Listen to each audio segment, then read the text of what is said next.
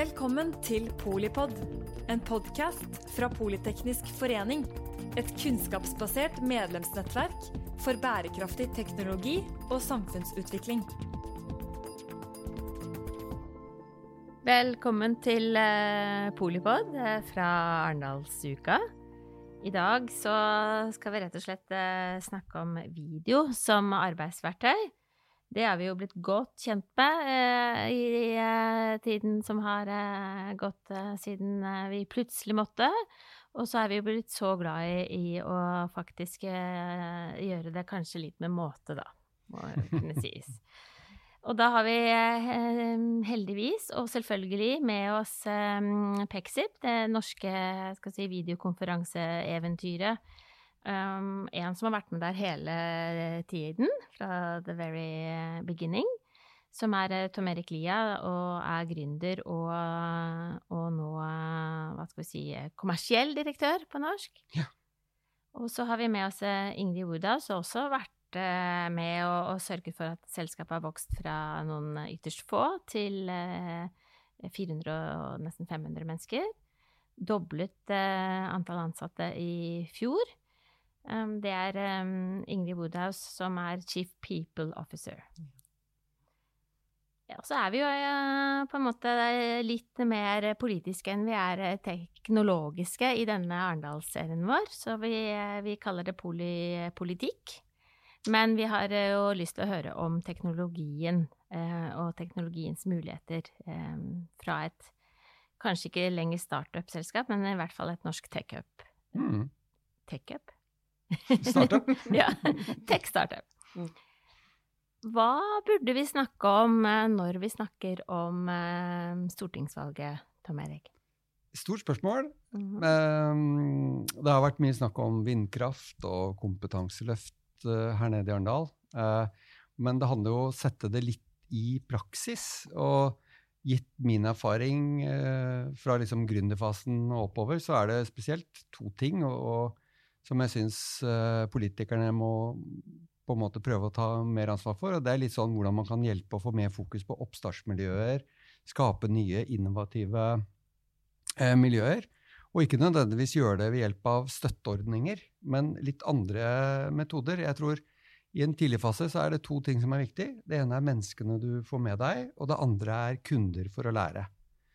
Når du er gründer, eh, liten bedrift, eh, dårlig cashflow, eh, lite penger, og så skal du hente da de beste menneskene som sitter trygt og godt i sin egen i en, en eksisterende jobb, så er jo en av de tingene som på en måte veldig trigger, er å kunne være med på et eventyr og få ta del i det, og kanskje være en del på eiersiden. Og spesielt har vi prøvd å gjøre det sjøl, ved hjelp av opsjonsordninger og den type ting. Men der er det en lang vei å gå. Det er uh, dyrt, uh, og, og, det er uh, nesten urettferdig for de ansatte mm. å bli med. Og det har vært en lang diskusjon lenge nå om å gjøre noe med opsjonsavtaler for startup-bedrifter.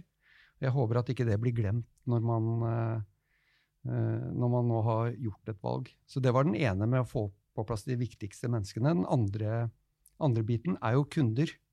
Eh, en startup Én ting er å på en måte gi deg ferdigmat, en annen ting er å lære deg hvordan du skal lage maten. Og kundene er jo de som lærer, du virkelig lærer av. Og der kan jo den offentlige spille en utrolig viktig rolle. Både som ved hjelp av innkjøpsordninger. Um, men også så jeg nå, jeg leste ideen ganske nylig, hvordan Bærum kommune og kolonial.no kom sammen helt i starten ved hjelp av innovative innkjøpsordninger hvor de fikk på en måte drahjelp ved å få en kravstor kunde hvor de kunne lære kjempemye av. Og jeg skulle ønske flere på en måte kommuner og det offentlige benytta seg mer av det. For det er det vi trenger. Kunder og hjelpe det også å lære. Og så tilbake igjen til video. Eh, blir langt, dette her. Men, eh, men, eh, og den tredje tingen er jo at vi nå er jo en helt ny hverdag hvor jeg mener vi må tilpasse oss mye mer i, i et fleksibelt arbeidsliv som vi nå har muligheten for, og der er det mange ting som bør gjøres. Ja, det henger jo litt sammen, når det er mhm. sånn du får uh, fortelle det. Gjør det. Så, hva tenker du, Ingrid? Du, jeg tenker at det er mange ting som eh, vi må ta tak i fra, på arbeidslivet fremover nå. Eh, det som de fleste jo er opptatt av, er jo hva den nye fremtiden blir for, eh, for oss. Hvordan er det vi skal jobbe sammen, og hvor mange dager er det jeg må inn på kontoret nå fremover. Mm. For vi ser den omstillingsevnen som har vært i, i arbeidslivet nå, hvordan både jeg, ansatte og arbeidsgivere veldig raskt og egentlig over natten Eh, eh, tok jobben fra å være på kontoret da, til å, å, ta det hjem. Den har jo Evnen og viljen der var kjempestor. Men nå har, man, nå har, det vart så lenge, og nå har vi jo ikke lyst til å gi slipp på dette her. Vi ønsker å ha denne fleksibiliteten som, som arbeidstakere til å kunne bestemme hvor vi skal utføre jobben fra. Og det vil vi jo ikke gi fra oss. Jeg hørte fra finn.no at det mest brukte søker, eller et av de mest brukte søkerordene nå, da, det er hjemmekontor. Og så ser vi også fra arbeidsgivers ståsted at vi eh, ser at produktiviteten den eh, opprettholdes selv om folk eh, jobber hjemmefra, blir gitt den tilliten. Så som arbeidsgiver så har man jo også lyst til å tilby det til, til sine ansatte fremover, og ser mange fordeler med det. Men det gjør jo altså Hvis vi som arbeidsgiver da skal kunne gi de ansatte den muligheten og den tilliten, slik at de blir mer fornøyd i sin eh, hverdag og faktisk mer produktive, som igjen da gir verdiskapning, så må vi ha et regelverk som passer med den eh, fremtiden eh, vi skal inn i, og faktisk egentlig som vi allerede er inne i. Og dagens system, eller dagens lovverk, er ikke med på å fremme denne fleksibiliteten som, som vi, aktørene i arbeidslivet egentlig forventer oss nå og som vi ønsker å operere i. Og så er det en siste ting da, som jeg tenker på i den anledning, og det er jo at økt fleksibilitet faktisk vil eh, øke eller hjelpe oss med inkluderingen av, av folk som i dag ikke er med enten fullt ut eller, eller i det hele tatt i arbeidslivet, men at mm. de kan bli inkludert hvis man har større grad av tilrettelegging for individuelle behov. Og det gjelder jo også, tenker jeg, i hele landet og hele verden. Og det er, eh, det er jo ikke bare Det er jo en mulighet for mange flere, men også uh, mye mer sånn der du ellers ønsker å, å bo og leve, da. Så det, det, har jo begynt å ta av nå. Det er jo stillinger eh, som annonseres hvor du ja, Fritt arbeidssted, på en måte. Ja. ja. Men um, og det, bare, mm. så, ja, men det ser man jo at folk ja, det ser man jo at folk har flyttet eh, faktisk en del ut fra byene og, og, eh, og sprer bosettingen litt mer, da. Mm, mm. Fordi at eh, eh man ikke må eh, sitte i trange leiligheter i en by, eh, f.eks. Man kan gjøre jobben fra egentlig hvor som helst. Og da hvis man skal pendle, f.eks., så trenger man kanskje ikke gjøre det like ofte som at det bør ikke være hver dag, eller at man bare kommer hjem i helgene, men at, at man gjør det mer sporadisk. Mm. Og det, det, jeg må bare legge til at det er jo en enorm endring vi har sett fra veldig Altså før pandemien så møtte vi veldig ofte at uh, fra veldig mange selskaper, både i Norge og i utlandet, at vet du hva, det er ikke aktuelt at uh, noen ansatte skal jobbe hjemme. Det kommer ikke til å skje. Og så var vi da midt i pandemien, og da var det at vet du hva, vi skal aldri tilbake mm. på kontoret. Uh, alle skal jobbe, jobbe, hjemme, og for de som har muligheten. Men så er jo sannheten litt imellom. Og jeg tror akkurat det som du nevner, Ingrid, med den fleksibiliteten det, For de som kommer inn i arbeidslivet nå, og det har vi jo sett, og de som har på en måte fått opplevd hvor bra man faktisk kan jobbe i en sånn fleksibelt arbeidsliv, de kommer aldri til å gå tilbake. Så det blir jo konkurransefortrinn.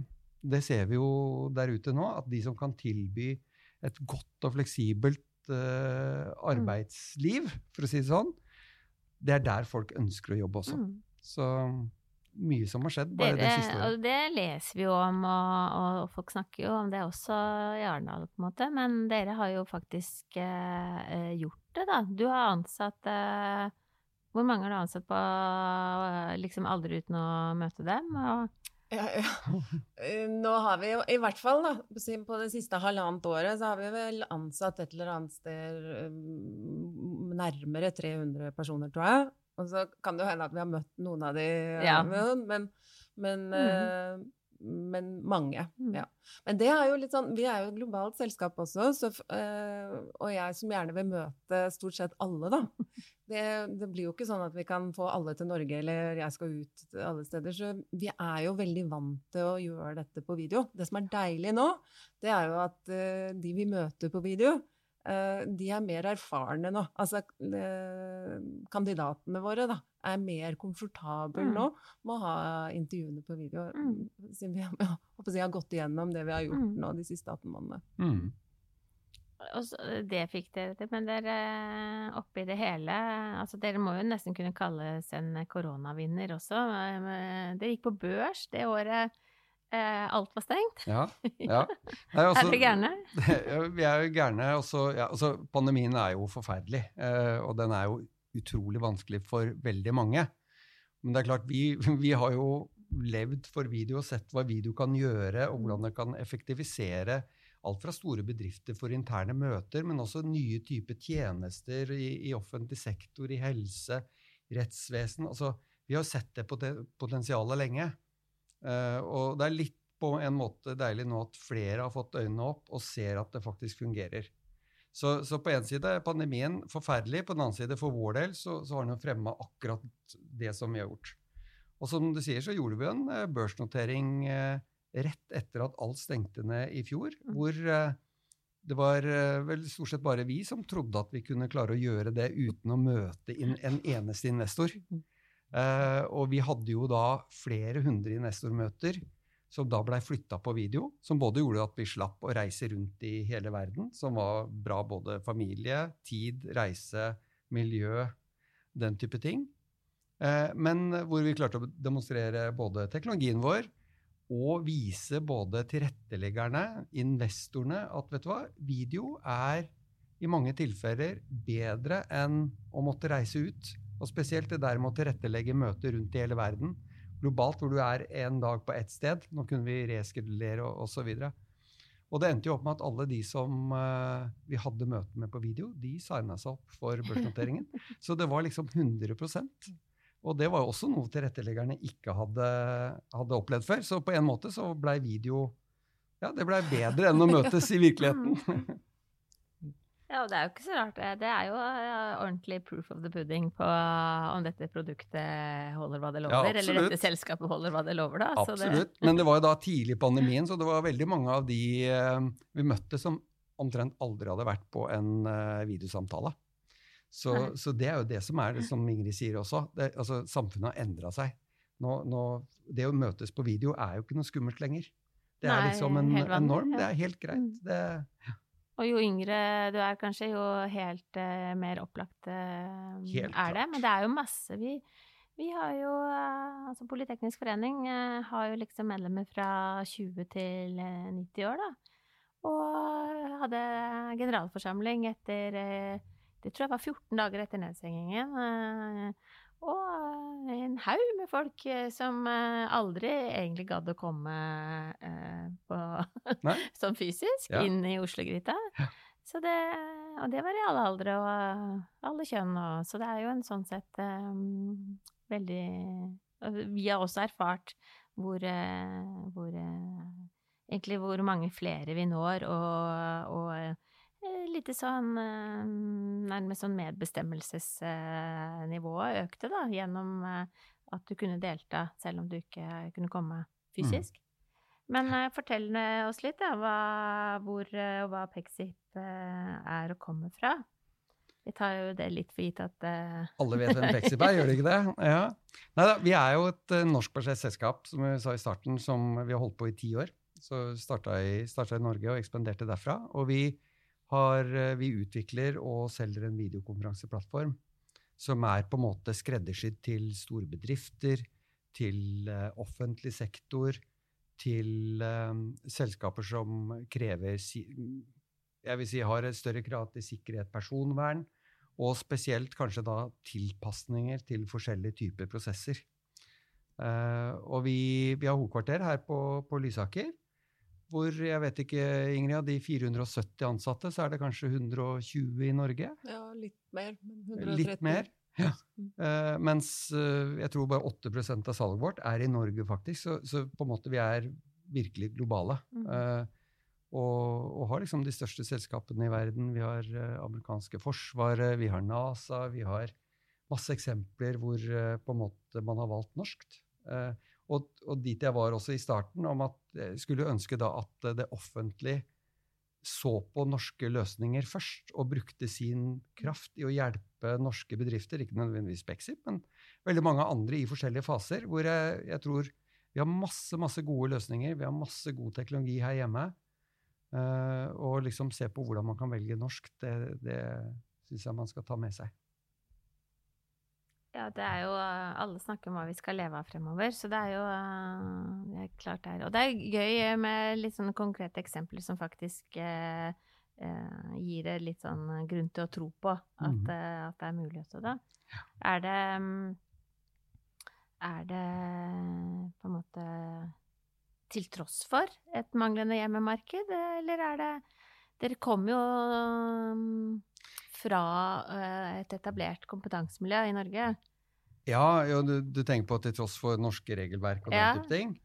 Nei, altså, gitt Fra videosiden så er jo faktisk Norge et eh, kjempekompetansesenter. Mm. Gitt den eh, på en måte historien man har med videokonferanse med Tandberg og tatt over for Cisco og den type ting. Så det er veldig mye kompetanse rundt video og teknologi og kommunikasjon generelt. Veldig mye sånn Telenor, Televerket, veldig mye historie der, der, man har vært i front. Og jeg tror vi har veldig mange flinke folk, og det er jo for vår del eh, veldig mange som har lyst til å flytte til Oslo. Mm. Eh, så du henter jo talenter rundt omkring i hele verden. Så bare gjøre det enkelt for oss å kunne ta inn kompetanse, det er jo kjempeviktig. Og spesielt for oss nå i vekstfasen, hvor det kanskje ikke utdannes nok ingeniører i Norge, så du må på en måte hente kompetanse utenifra gjøre det så enkelt som mulig, er jo, er jo virkelig, um, virkelig, viktig for oss, og har vært viktig for oss. Det har jo vært supervanskelig nå i pandemien med ja. diverse mm. kontorer stengt og lange ventetider og sånn, så ja. der er det i hvert fall stort forbedringspotensial. Altså, nå, å, å, hjelpe til og tilrettelegge for at vi faktisk skal klare å få til det. Ja, mm. ja. Ja, det gjelder jo eh, Nå må vi håpe selvfølgelig at det grensene sånn sett åpner. Det gjelder jo egentlig fasen før eh, man snakker liksom tidlig fase. Og det gjelder jo den R&D, innovasjonsfasen, forskningsmiljøene på universiteter, eh, institutter og sånn også. Det er jo noe med å være en eh Altså, dere tenkte globalt, og alle sier det, men dere gjorde det jo. Dere fikk vel kunder ute før dere fikk det hjemme. Ja, det, det gjorde det. ja, så det er akkurat Men det er, det er mindset. Sære, ja, og det, du, til tross for Altså, ikke noe gærent med, med altså Mye av de støtteordningene og den type ting, vi har SkatteFUNN og andre type ting, men det er jo på en måte ikke det som har gjort at man har lykkes. Men det er veldig fint å få en sånn backing. Men jeg tror det vi nevnte initielt, med å få mulighet for å ha folk med på eiersiden tidlig. Uh, at, at, man bruker uh, kraften som man har mm. ved innkjøpsordning og den type ting. fordi det er mye mye bedre for oss å få en kravstor kunde uh, mm. tidlig, og heller få litt penger for det, enn å bare få en støtteordning og på en mm. måte ikke vite hvordan produktet lykkes. Og så har det jo blitt bedre rundt det, jeg vil si gründermiljøer har jo vokst fram nå de siste tre-fire-fem årene. og veldig mange av de som har lykkes, går jo tilbake igjen og hjelper andre gründerbedrifter i å lykkes. Sånn at Jeg kan ikke si det er enklere i dag, men det er i hvert fall flere muligheter i dag. Så hvis offentlig liksom kan legge seg på toppen og liksom enda, gjøre det enda litt enklere, så, så ville det vært fint, tror jeg. Det er jo, tenker jeg også, et um Eh, altså vi, har, vi, har, snakket tidligere i en annen episode om den norske modellen da, og alt som ligger av muligheter rundt eh, samarbeid da, mellom myndigheter, eh, arbeidsliv, både på arbeidstaker- og arbeidsgiversiden, og da kunder eh, og, og, på en måte samfunnene eh, for øvrig. Så det er jo et Det er jo selvfølgelig Vi har jo fått det til i andre bransjer på den type, så det, det høres jo ikke det høres rett og slett ut som at dette, det kompetansemiljøet og den liksom, oppstartsaktiviteten burde være noe som kan kobles til det eksisterende liksom, infrastrukturen vi har. Da. Ja, det er jo ikke absolutt. noe sånn å finne opp noe helt rart på siden. Nei. Men hvem er det mm, det er jo, Nå har vi jo allerede vent oss til det for å, å jobbe på en litt sånn ny måte. Hva ser dere av eh, Hvem er det på en måte som kan inkluderes mer? Når Og hva, hva, slags type um, Altså arbeidsliv, går det an å spørre om det? Hva slags uh, liksom, arbeidsliv ser, ser, du litt sånn i krystallkulen, Ingrid?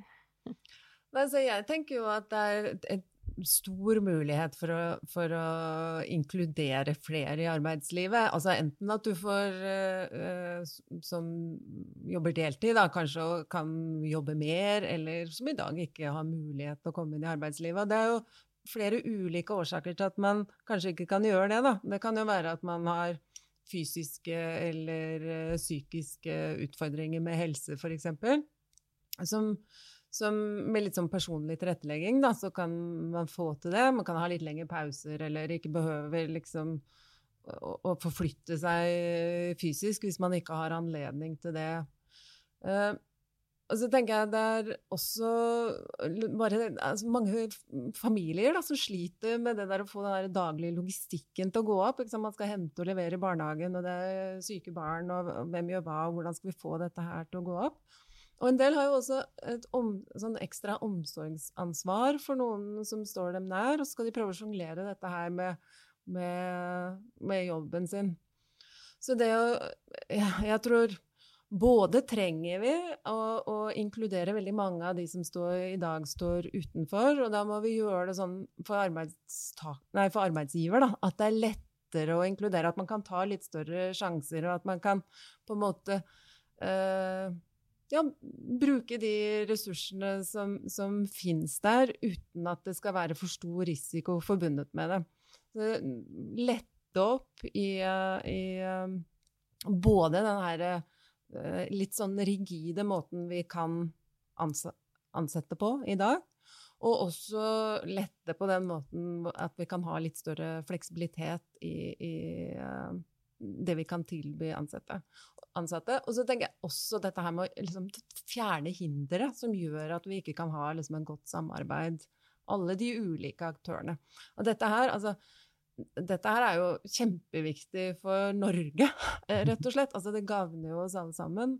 Og vil sørge for at vi har en større aktivitet, eh, eller større aktiv eh, arbeidsstokk i Norge. Og at vi også vil ha en større følelse, eller en økt følelse av velferd, rett og slett.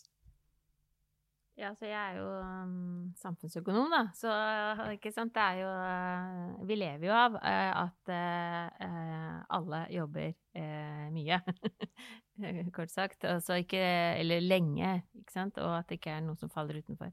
Så det er jo helt opplagt. og så er det selvfølgelig en grense mot, mot, hva som er på en måte effektivt, men det finner jo ofte liksom, bedrifter og organisasjoner ut av. ut av selv, da, og ikke minst uh, du og jeg som, uh, som, faktisk skal gjøre jobben. Ja. Men det er en Det har jo skjedd på, på mange måter. og så Du innledet med regelverks liksom, tilrettelegging, fasilitering for at, at dette kan bli litt mer van, eller standard, er det, går det an å si det? Har du noen spesielle type eh, Er det noe spesielt sted skoen trykker? Ja, det er arbeidstid og reguleringen av arbeidstid, eksempel. Altså, øh, det gjelder Altså, kontrollen vi som arbeidsgiver da, er, egentlig er nødt til å ha på timeantallet til uh, de, de, ansatte, og akkurat når det er de utfører sine arbeidsoppgaver.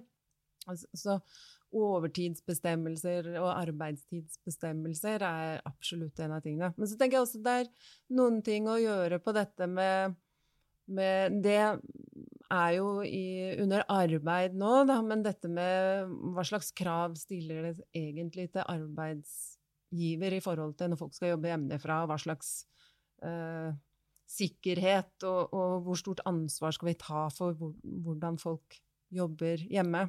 Og så kan du si at det som er veldig viktig, og som jeg har all mulig respekt for, er at arbeidstakerne ikke blir liksom uh, utnyttet uh, kynisk uh, i arbeidslivet. Men jeg tror den um, for en veldig stor del av uh, arbeidsstyrken da, så er det ikke der skoen trykker. Det, skoen trykker i at vi trenger fleksibiliteten og vi trenger tilretteleggingen. Og hvis jeg ikke er fornøyd med uh, arbeidsgiver, ja, da går jeg et annet sted. Og det, um, det her med at arbeidstakere er fornøyde, glad, får hverdagen sin til å gå opp, det vet vi er uh, helt uh, fundamentalt viktig for hvor, hvilken verdiskapningsevne vi har. Hvor innovative vi kan være, hvor produktive vi greier å være. Uh, kjempeviktig. Og så tenker jeg bare én ting til i forhold til dette med mangfold. Altså, jeg er ganske opptatt av at folk har anledning til liksom, dette med verdighet. Altså å få være med på å skape verdier. Og det tror jeg Altså, ikke gjør det så vanskelig og risikofylt for arbeidsgiver å prøve å være med og ta sjanse. Uh, altså, hvis vi kan lette litt på dette her om at vi nesten forutsetter at uh, arbeidsgivere vil utnytte arbeidstakerne hvis, hvis de får anledning. For det, den tilliten tror jeg ikke vi egentlig uh, det, det, den, Vi fortjener litt større tillit mm. enn det. Akkurat det viste vi jo eh, på en måte det siste året halvannet, da, i forhold til alle som eh, virkelig har, har stått på og, og, omstilt seg kjapt som bare det. Alle, vi, alle har jo et primært ønske om å gjøre en god jobb, tenker jeg. Ja, alle arbeidstakere har en, et ønske om det, og, og de altså, fleste arbeidsgivere også har jo ja, nettopp det. ikke mm. sant? Så vi prøver jo så godt vi kan. Uh, så er det kanskje en litt sånn Vi liker å si at det er litt sånn norsk kjerneverdi, da. Tillit. Mm. Som for en, en samfunnsøkonom betyr effektivitet, ikke mm. sant. Så det er Men um, mm. Det, det, har vi jo sett, og det er jo arbeid i, i, gang. Det er jo andre sider, og dere jobber i alle verdens uh, markeder og kulturer, sånn sett. Så dere, det, det, kunne vi snakket om en annen gang, å få høre litt om uh, forskjellene da, mellom, uh, mellom, markedene deres. Men uh, jeg tenker at det er også interessant hvordan, skal vi si, kalle dette den nye normalen, slår ut på andre skal vi si, sånn samfunnsparametere, da Uh, hvordan enten det er um, Altså, du sa så vidt vi reiser mindre, og det blir mindre sånn sett karbonavtrykk etter oss. Er det Har dere målt noe på det, eller fins det noe Det hadde vært litt nei, det, nei, nei, vi har jo ikke målt det, men jeg tror det er, det er jo Altså, karbontrykket vårt øker jo, har jo økt, selv om vi har vært midt inne i en pandemi og folk har slutta å reise men den har økt mye mindre enn det han ville gjort. da. Mm. Men jeg, jeg, tror, jeg har jo helt overbevist om at det er teknologi må jo være en helt fundamental uh, måte, en bidragsyter til å på en måte, jeg holdt på å si, være med å redde klimaet. Og da er det jo det å finne enklere og smartere måte å, jobbe på, levere tjenester på, er jo helt fundamentalt. Altså det å bruke video, ikke dra til Stavanger for et timesmøte. Det, det var det veldig mange som gjorde før pandemien. Nå tror jeg det er nesten en sånn flyskam, møteskam. Altså hvis du skal ha et timesmøte og fly fra Arendal til eller ta Oslo til Stavanger, så gjør du ikke det lenger på, på, på et timesmøte. Du bruker video isteden. Sånn hvis vi klarer å få på plass en del sånne typer løsninger som gjør det enklere og faktisk bedre å bruke teknologi um, Andre ting som, som, vi har sett uh, Uh, og spesielt innafor uh, rettsvesen, bare sånn for eksempel, hvor man bruker fryktelig mye ressurser og tid på å frakte mennesker fram og tilbake. Og det blei jo helt stopp under pandemien. Og det er jo et område man har altså Vi i hvert fall har prøvd å hjelpe til med å effektivisere med hjelp av video, men du har kanskje regelverk som ikke er på plass, eh, som har gjort det vanskelig, og den type ting. Mens i løpet av pandemien så har man jo klart å få fram sånne løsninger veldig effektivt. Ja. Uh, vi jobba spesielt med, med, rettssystemet i, altså i, Norge, men også i England, hvor nå Hva var det siste, siste saken? Så tror jeg snakka de om at de hadde hatt 70 000 rettshøringer på video siden pandemien starta. På, på, en måte som gikk fra null til, til 70 000 i løpet av et år. Og bare tenk på den enorme besparelsen av samfunnet. Alt fra politi til advokater til ja, demokratisering. Du bor på, på landet, og du skal inn og på en måte ha kanskje fem minutters møte eller ti minutter eller en time, og slippe alt det rundt. Så, så, jeg tror teknologi og det vi har lært oss nå med å bruke teknologi på nye måter, det, det håper jeg vi, vi, kan på en måte ikke gå tilbake igjen til, uh, til det gamle. Vi må på en måte utnytte Litt morsomt du sier det, fordi i går kveld så var det eh, Jeg møtte en del eh, advokater, litt tilfeldig, men eh, helt uavhengig av at vi skulle snakke om dette i dag, så, så sa de at det, det, var så mye bedre, vet du. Og først gjorde de en del sånn telefonavhør og ante ikke hvem som var i andre enden. Mm.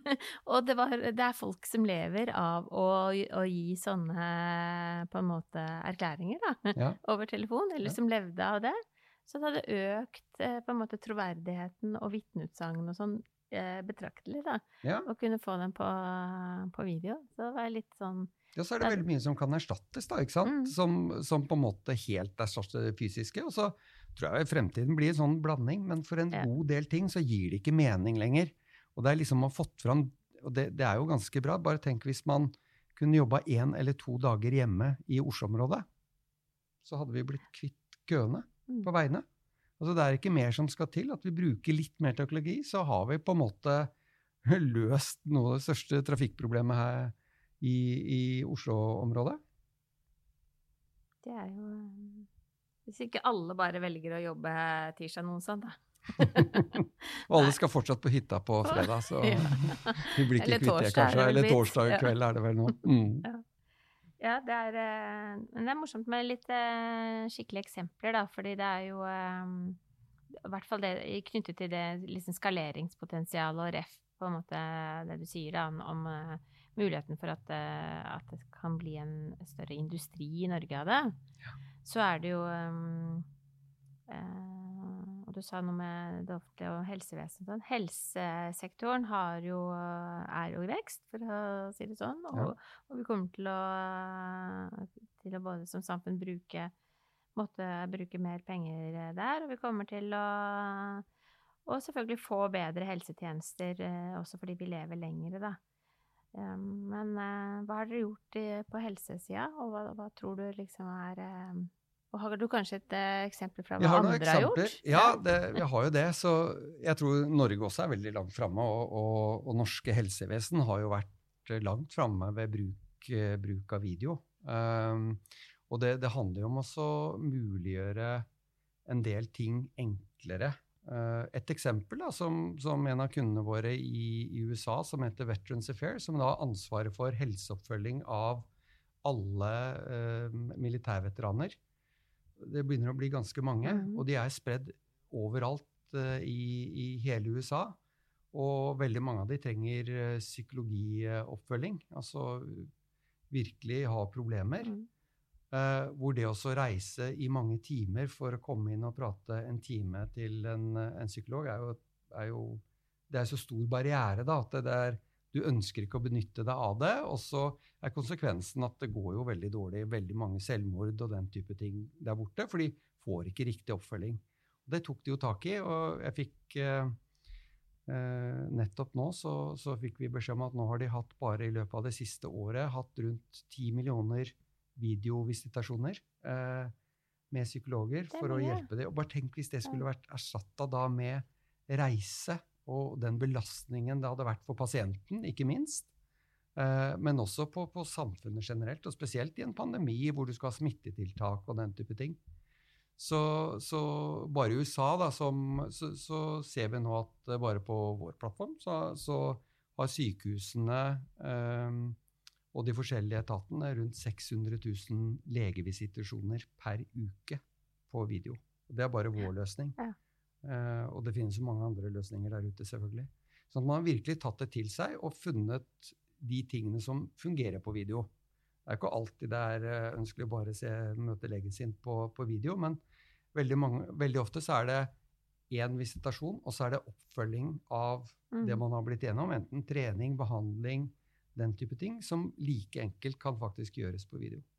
Så mange eksempler der man på en måte tilbyr nesten bedre tjenester fordi man benytter teknologi. Da. Men gjør vi dette hvordan, altså det, er jo, det skjer jo i Norge òg. Eh, Skjer i og Norge, det, Men og- hvordan, er det litt tilfeldig, eller? eh? Nei, i Norge er det, det har vært en klar strategi. Og jeg tror i Norge, som er så spredt land, så er et av utfordringene at du har, du har noen få eksperter innenfor forskjellige områder som kanskje ikke jobber på akkurat det sykehuset, eller osv., hvor man har brukt video til å få inn den kompetansen man trenger. Nå vet jeg at det er et eh, forskningsprosjekt som pågår, hvor at eh, ambulansesjåførene skal ha video på, på lua og kan ringe opp direkte til sykehuset, så de får måte, live hjelp fra eksperter ut ifra hva som har skjedd. Og bare den type Mm. ting som og, og, og det har i, i løpet av pandemien på en måte vist så veldig mange nye bruksområder som jeg tror man kommer til å se på, og så kommer man til å forbedre og forbedre og forbedre. Så blir vi mer effektive. og Spesielt helse, helsevesenet har jo enorme utfordringer med god, gammel eldrebølge og, og, og den type som eh, kommer. Ja, ikke sant? Så, så, så Men eh, Norge er langt framme også, Mm. også innenfor helse og teknologi. Det er jo godt å høre, men det er, det er jo um, Jeg tenker at det er jo mye bedre å bruke penger på si, bedre behandling um, enn uh, enn nødvendigvis å reise til og fra hverandre. Ja. Ja, så snakker vi om demokratisering av samfunnet generelt. Altså Hvis du jobber utenfor byen, Mm. så er klart, hvis du kan få bedre tjenester, eller i hvert fall tilgang til tjenester, da, det være seg helsevesen, Mm. men det kan jo være hva med utdanning, etterutdanning, den type ting. Det er altså, nå, skal jeg være litt forsiktig, kona mi er lærer, og det har ikke vært bare bare med hjemmeundervisning eh, og den type ting. Og går jo, det går vi jo vekk fra. Men f.eks. at universiteter kan tilby kurs til folk som bor i distriktet, uten at man må reise inn. Bruker masse tid på å komme seg inn eh, til undervisningsstedet. Overnatting og den type ting. Så tror jeg også Det som jeg leste nå, var jo at det er veldig mange av disse læringsstedene har jo fått økt eh, kundemasse, på en måte. Økt antall studenter. fordi Mhm. at eh, veldig, du på, får jo hele Norge som nedslagsfelt. Sånn at eh, veldig mange flere kan være med og ta f.eks. etterutdanning eller enkeltkurs eller den type ting, fordi det tilbys på video.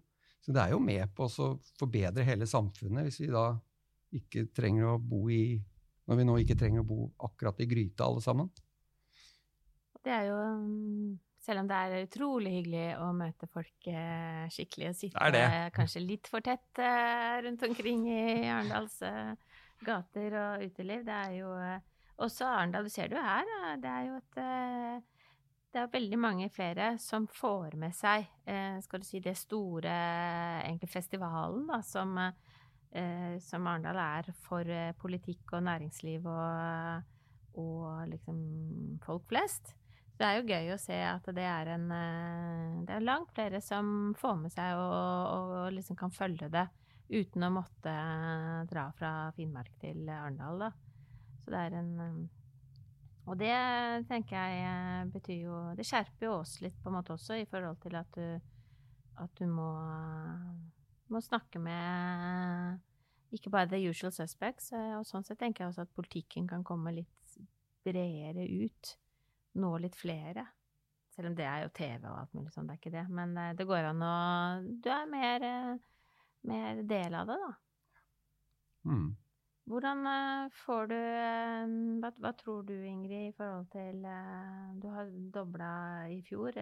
Skal du hva, hva er planene fremover? Jo, vi skal vel eh, doble oss igjen, men ikke i år. men, men vi har jo ganske stor Du jobber i et vekstselskap, da. Du kan har... ikke regne med å møte alle ansatte fysisk og gå Nei. Nei, jeg kan, jeg kan ikke det. Og, og, og det er jo litt sånn morsomt, tenker jeg, at eh, nå I en periode så har vi kanskje prøvd å gjøre akkurat det samme på video eller digitalt, da, som vi har gjort før. Og det er jo også fordi at vi Altså hjernen vår fungerer jo sånn at vi prøver liksom å, å for, bare fortsette med det vi har, sånn at det ikke blir så krevende og slitsomt uh, bestandig. Men, men uh, vi må jo tenke annerledes uh, fremover og, og, skalere, holdt jeg på å si, det mm. vi gjør på en bedre måte. Eh, det eh, enkleste er jo eh, for så vidt at jeg ikke skal, skal møte alle. Men, men, jeg tror eh, vi også må liksom, til stadighet da, utfordre vår egen teknologi og, og vår egen løsning, sånn at det, det altså, we walk the talk og, og tester ut og er ledende da, på hvordan bruke videoer i ulike sammenhenger. Det er jo kjempegøy og spennende. Og mm -hmm. Der har ikke jeg alle svarene. Det har kanskje ikke du heller, eh, Nat Erik. Eh, men, det... Nei, men det er vel det som er eh, Og, og litt eksempelets makt da, i å faktisk Dere representerer jo noen som faktisk har gjort det, og lykkes med det. Så det er jo naturlig for også mange å se til dere, også, også for det ukjente lendet vi skal inn i, da. Mm det er mange som ikke Altså det er mye snakk om den liksom å henge med i den mm. teknologiske utviklingen mm. for de som ikke er like si, tech-nerder som, som, dere, mm. eller oss. Så det hva, hva skal til? Ja, et uh, Altså, uh, det, har, det, vet vi jo, at pandemien har økt egentlig litt dette gapet, da, digital divide, som det så kjekt heter. Altså de som klarer å følge med, og de som ikke klarer å følge med. Og det tenker jeg, det nytter ikke å prøve å stoppe utviklingen, for den, eh, det, er, det toget går superfort i øyeblikket. Så, så, det kommer til å fortsette. Men man er nødt til å se på hvordan er det vi kan klare å, å utjevne de eh, Eller altså prøve å tette dette gapet, da, og utjevne de sosiale forskjellene som er. Og der har jeg en ting som jeg liksom veldig, brenner veldig for, og det er I dag så er det mye av oppfølgingen fra skolen, holdt jeg på å si, som skjer i hjemmet. Mye lekser og mye oppfølging som foregår hjemme. Og så så vi det under pandemien, at uh, både skoler uh, og, og, for så vidt arbeidstakere Uh, måtte gjøre mye hjemmefra. Og det gikk jo veldig bra for uh, veldig mange, men det var også masse eksempler på hvor, uh, hvor det er familier som ikke er like teknologisk ressurssterke, om jeg kan kalle det det. Og da, da, kan det være vanskelig for å få fulgt med. Og da tenker jeg, hvis du da ikke har økonomien, og det var faktisk noen som ikke hadde internettabonnement, ikke sant, da Og har noe særlig digital kompetanse. Det er faktisk en del som mangler uh, språkkompetansen også. Så hvis mye der blir forventet at skal skje i hjemmet, da tror jeg vi, vi ikke greier å å overholde dette her prinsippet som vi har, da, med at du skal ha lik rett til, til utdanning og læring, uavhengig av eh, hvilken bakgrunn du kommer fra. Så vi må hjelpe til og sørge for at, uh, at det ikke er opp, altså at du ikke er prisgitt da, som barn uh, de oppvekstvilkårene du har i hjemmet, men at, uh, at vi tar tak i det på samfunnsnivå, rett og mm. slett. Ja, det går jo ikke an å være uenig i. Nei, det går ikke. Men det må vi. Det, ja, nei, det er kjempeviktig, rett og slett. Og det er jo ikke sånn eh, Det er liksom en litt en annen uh, vinkling, da, enn uh, Big Enterprises. Men det henger jo sammen, det også, i forhold til at det er en, en Det er jo en generasjon, og dette er jo I Norge er vi tross alt likere eh, sånn sett. Men dere ser jo de andre landene der er i, hvor det ikke er like Hvor det kanskje er en, et enda større eh, digital eh, gap, da. Mm. Ja, hvor du, på, på ett nivå så er jo teknologi med på å bringe folk sammen, og, men, ja. men, i andre tilfeller ikke sant, så skaper det bare forskjeller. Ja. Bare være bevisst på det, og ikke tro at teknologien vil løse alle problemene. For det kan skape noen også underveis.